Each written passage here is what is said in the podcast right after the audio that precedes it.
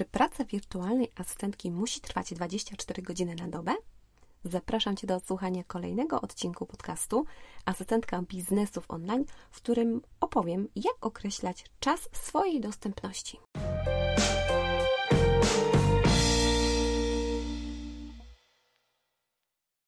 Cześć, jestem Aga Pojda z Work Assist. Jestem kreatywną, wirtualną asystentką i pomagam małym biznesom tworzyć duże treści. Jestem CEO, bardzo lubię ten zwrot w angielskiej formie, agencji wirtualnych asystentek Work Assist. Uczę lepszego wykorzystywania narzędzi w pracy wirtualnej asystentki i wspieram je w tym, co robią.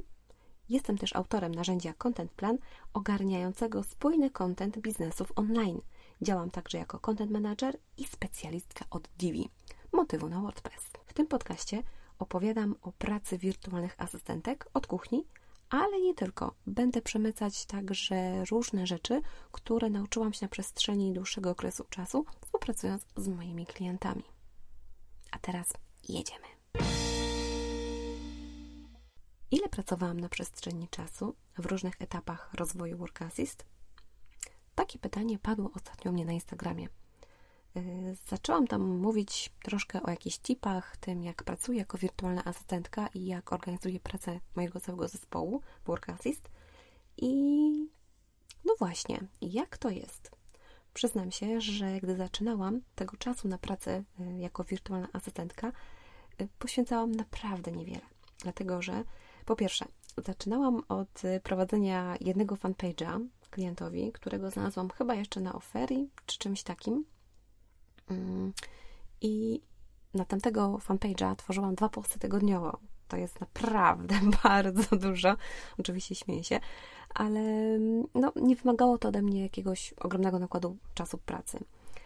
Jednocześnie w tym samym czasie pracowałam na etacie i miałam dziewięciomiesięcznego niemowlaka w domu.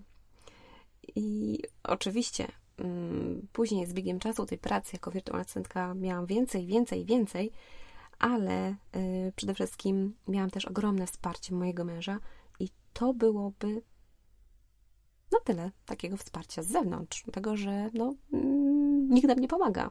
Działamy w, tylko we dwójkę i tworzymy naprawdę zgrany team. Pod koniec pracy na etacie pracowałam nad zadaniami w Work Assist około 4 godziny dziennie i było to głównie wieczorami, tak mniej więcej po 21. Później, w miarę rozwoju firmy, kiedy miałam coraz więcej tych zadań, gdy coraz więcej klientów się gdzieś tam na horyzoncie pojawiało, mogłam pozwolić sobie y, na takie lekkie ograniczenie etatu i ostatniej takiej prostej, będąc na etacie, pracowałam tylko wtorki, środy i czwartki i było to w zasadzie mm, pół etatu więc było to dosłownie 5-6 godzin, a poniedziałki i piątki miałam totalnie wolne. Ale no nie do końca wolne, dlatego że te zadania Work Assist y, tak mocno się gdzieś tam wybijały, że w zasadzie cały tamten czas i jeszcze często w weekendy, sobota, niedziela, spędzałam głównie na pracy. Nie powiem, jest to, było to naprawdę męczące, ale dzięki temu doszłam do pewnego poziomu i byłam w stanie powiedzieć dość, odchodzę z etatu, Działam tylko w Work Assist. Jak jest teraz?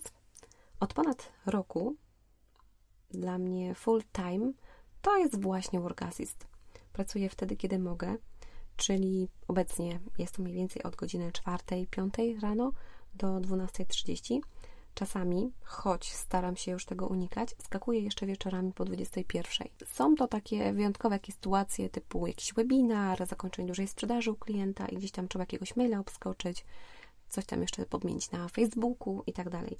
Staram się tego raczej unikać, ale no, nie ukrywam, że niestety gdzieś tam jeszcze prostu zdarzają się mi takie, takie akcje, choć jest ich naprawdę, naprawdę bardzo mało. Jedna, może dwie w miesiącu, nie więcej na chwilę obecną.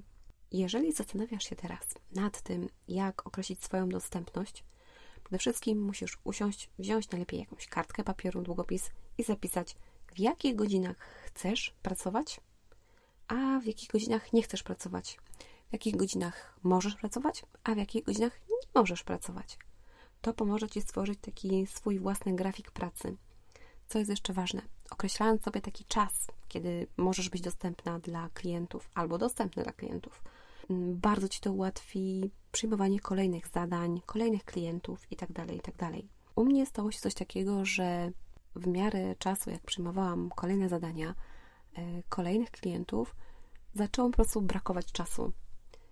Dla mnie to był taki sygnał, że ok, hello, bierzemy kogoś na pokład Work Assist. I w zasadzie w jednym czasie skoczyły dwie osoby, zaraz potem jeszcze kolejna i kolejna. I nagle zrobił się już taki no, konkretny team. I tutaj właśnie, pracując dla klienta i mając ten czas na jego zadania, też musisz sobie odpowiedzieć na takie pytanie, w jaki sposób ty, jako wirtualna asystentka, jako wirtualny asystent, chcesz rozwijać swój własny biznes. Czy chcesz się skupić na przykład tylko i wyłącznie na realizacji zadań dla klientów, czy na przykład chcesz gdzieś tam działać w swoich social mediach, nie wiem, prowadzić bloga, udzielać się gdzieś, mm, robić różne rzeczy w internecie i tak dalej, promować się, tworzyć swoje produkty. Ja jestem taką osobą, która ma milion pomysłów na minutę. Mam w głowie cały czas fajne projekty, e, pomysły na fajne naprawdę produkty, tylko no brakuje mi czasu. Tak można powiedzieć na realizację wszystkiego. Też no niektóre pomysły mm, wydają się może na pierwszy rzut jakieś super, ale kwestia zweryfikowania ich. I taki właśnie czas na taką weryfikację potrzebowałam w pewnym momencie i gdzieś tam zaczął się tworzyć ten team. Planując swój czas i swoją dostępność dla klientów, zwróć także uwagę na to, czy chcesz podnosić swoje kompetencje. Zaplanuj sobie też na to czas. Dlatego, że w momencie, kiedy pracujesz dla jakiegoś klienta, cały czas mogą się pojawiać jakieś dodatkowe, nowe zadania. I te nowe, dodatkowe zadania mogą w pewnym momencie od Ciebie wymagać przerobienia jakiegoś konkretnego kursu. Na przykład Twój klient zaczyna nagrywać podcast. No i chce, żebyś się zajęła składem tego podcastu, transkrypcją, udostępnieniem na platformach itd., tak itd. Tak I w tym momencie, no, fajnie iść, powiedzmy, do Marka Jankowskiego z mojej wielkiej firmy, wziąć sobie jego kurs o podcaście i nauczyć się tam jakichś rzeczy. Tylko właśnie, potrzebujesz na to kilku godzin. Dwa, potrzebujesz jeszcze kolejne kilku godzin na to, żeby nagrać chociażby jakikolwiek sobie próbny materiał i przećwiczyć sobie edycję takiego podcastu. Ja mam takie szczęście, że mam w moim zespole osobę, która świetnie ogarnia montaż podcastów i kolejną osobę, która zrobi do tego podcastu transkrypcję i jeszcze kolejną osobę, która zrobi korektę transkrypcji redak z redakcją i automatycznie klient ma dość, że audio, to jeszcze powiedzmy treści na bloga i dodatkowy content do udostępnienia w social mediach, więc z tego można zrobić naprawdę fajnie działającą machinę. Tylko pytanie, co chcesz robić? Czy musisz pracować każdego dnia od 9 do 17? To jest takie pytanie, które gdzieś tam się pojawia u nowych wirtualnych asystentek, dlatego że dobra, zaczynamy swój biznes, jesteśmy tymi WA, mamy ofertę, mamy stronę, idziemy do tego klienta, klient się pyta, a jaką masz dostępność? Kiedy mogę wskoczyć z Tobą na kola? Kiedy odpiszesz mi na maila? Kiedy zrealizujesz jakieś konkretne zadanie? Chcę konkretów. Zazwyczaj i bardzo często klienci tak będą Ciebie pytać albo już pytają. Właśnie zależy, jak sobie to samodzielnie określisz. Jaka będzie Twoja dostępność? Czy na przykład będzie to ta standardowa 9, 17, czy to będzie na przykład tak jak w moim przypadku bardzo wczesne godziny poranne i 12.30 i finish. Czy może jeszcze jakoś inaczej? Czy to będą tylko wybrane dni tygodnia? Zależy, ile masz czasu. Odpowiadając na to pytanie, czy to właśnie musi być 9-17 każdego roboczego dnia? Nie, przecież nie, nie po to w zasadzie przechodzisz na swoje z etatu, jeżeli pracowałaś, pracowałeś wcześniej na jakimś etacie. No, choć no, z ręką na sercu muszę powiedzieć, że w żadnej mojej pracy etatowej nie pracowałam aż tyle, co pracuję dla siebie. Nawet te no, kilka godzin, ale to nie jest takie, wiesz, jak jest na, na etacie po prostu. Siedzisz, to jakaś herbatka, kawka, pogadasz z kolegą, koleżanką z biurka obok i tak dalej. To już tak nie wygląda. To już po prostu leci ten HubeStaff w tle, monitoruje czas pracy, robi tego screena, mierzy Twoją efektywność. No i w zasadzie w tym momencie klient wydaje swoje pieniądze. Często nie są to jakieś małe pieniądze, więc no, trzeba mieć to na uwadze, że trzeba być naprawdę efektywnym. I nie ma takiego, nieładnie mówiąc, opieprzania się. Trzeba haratać. I w zasadzie to ty decydujesz o ramach czasowych swojej pracy oraz jej ilości. Spotkałam się też z takim pytaniem, gdzie ktoś mnie zapytał, czy mogę zmienić swój czas dostępności.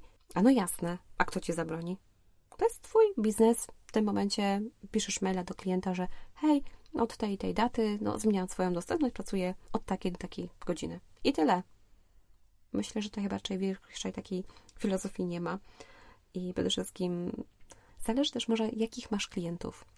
Dlatego, że jeżeli masz będę świetnych klientów, a życzę Ci tego z całego serca, to życzę Ci wszystkim takich klientów, jak ma Work Assist w tym momencie, jakich ja mam, bo naprawdę są świetni. I no, mamy zacząć taki pełny luz. Każdy prowadzi biznes online, każdy wie co i jak. I, i teraz kwestia taka, że no, można się naprawdę fajnie zgrać. Można być względem teamem, łącznie ze swoim zespołem, tak samo z moimi klientami, więc myślę, że tam raczej nie ma, nie ma większej filozofii z tym, że, że komuś tam nie będzie coś pasowało. Jeżeli na przykład twój klient ma do ciebie ogromne pretensje, że nagle zmieniasz godzinę swojej dostępności i tak dalej, no, sorry, życie. I no, może to nie jest taki twój idealny klient. Może warto poszukać innego klienta i a temu powiedzieć goodbye. Granica, czyli kiedy nie patrzę w Asanę, Slacka, wiadomości mailowe od klientów, staram się tak już mniej więcej w piątek po południu, zaraz po skończonej pracy, wyciszyć wszystkie te aplikacje w moim telefonie. Oczywiście, jak gdzieś tam mi coś mignie, jakieś powiadomienie, coś tam gdzieś wyskoczy, czy na laptopie, jak na przykład oglądam jakiś film, albo gdzieś tam w jakimś tablecie, czasem zdarza mi się, że zerkam, skakuję, ale szybko wyskakuję. Zostawiam wszystko na poniedziałek rano. Staram się nie robić tego zbyt często, w sensie takiego zerkania, w razie co, czy tam się coś nie wysypało i tak dalej.